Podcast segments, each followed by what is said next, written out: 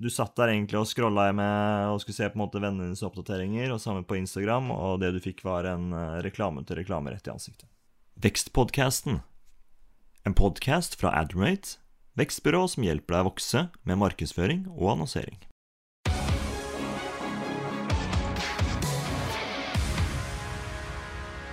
I denne episoden har jeg sett nærmere på metaanalysen som TikTok og Ipsos har gjort, hvor det var 296 merkeløftstudier gjennom ett år som ga innsikt i hvilke faktorer som gjør at annonser fungerer best på TikTok.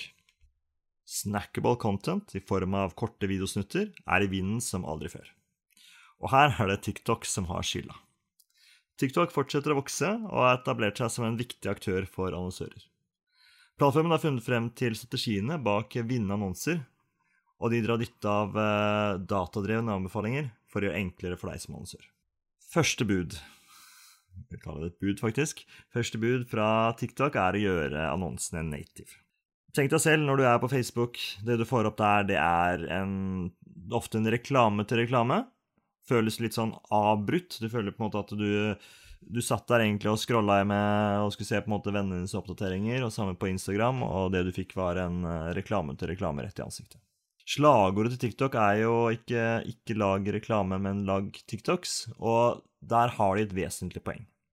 Det å gjøre innholdet tilpassa til plattformen er jo generelt viktig for de fleste plattformer, men for TikTok så er det veldig mye viktigere Vi ser også generelt at reklame som er veldig avbrytende på TikTok, og som ikke passer inn i uh, For you-feeden, de uh, mister effekt. Og det jo ganske fort. Du ser på en måte hva det er som fungerer, og du ser veldig fort hva som ikke fungerer. Og det som ikke fungerer, det er uh, det jeg kalte i stad reklame til reklame. Men derimot, ting som er informativt, morsomt, utdannende, de tingene er det du på en måte burde fokusere på.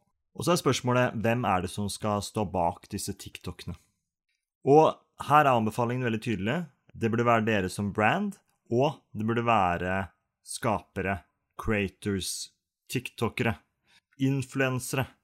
Så det er viktig at man har innhold som kommer direkte fra merkevaren, men det er like viktig at det er også for skaperne som er på plattformen. På samme måte som det funker best at man har flere plattformer for å få maksimal effekt. For all del, bruk mennesker eller figurer, characters, karakterer.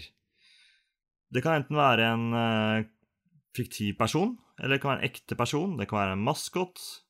Vår anbefaling er selvfølgelig at man bruker så mye som mulig mennesker, men man ser like godt at det kunne vært en maskot eller en morsom figur som uh, man kan relatere til. Og her bør man bruke de samme menneskene, eller karakterene, flere ganger, så det får en gjenkjennelseseffekt. Det er ikke nok at noen snakker direkte til kamera. Vi anbefaler sterkt at man både bruker lyd, musikk og voiceover. Voiceoveren passer fint hvis du på en måte ikke har noen som snakker i kamera. Og I tillegg så anbefaler vi at man har teksting. Og Her trenger ikke all tekst være med, men hovedpunktene bør være med.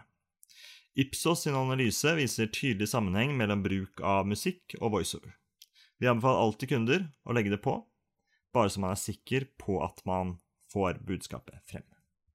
Både vår erfaring og forskning viser at eh, du må vise merkevaren tidlig. Så i løpet av de første sekundene så bør du ha vist en logo eller noe som assosieres med ditt merkenavn eller tjeneste eller produkt.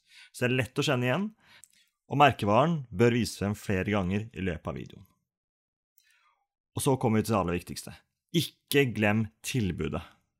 Vær tydelig i budskapet og få frem fordelen med tjenesten eller produktet.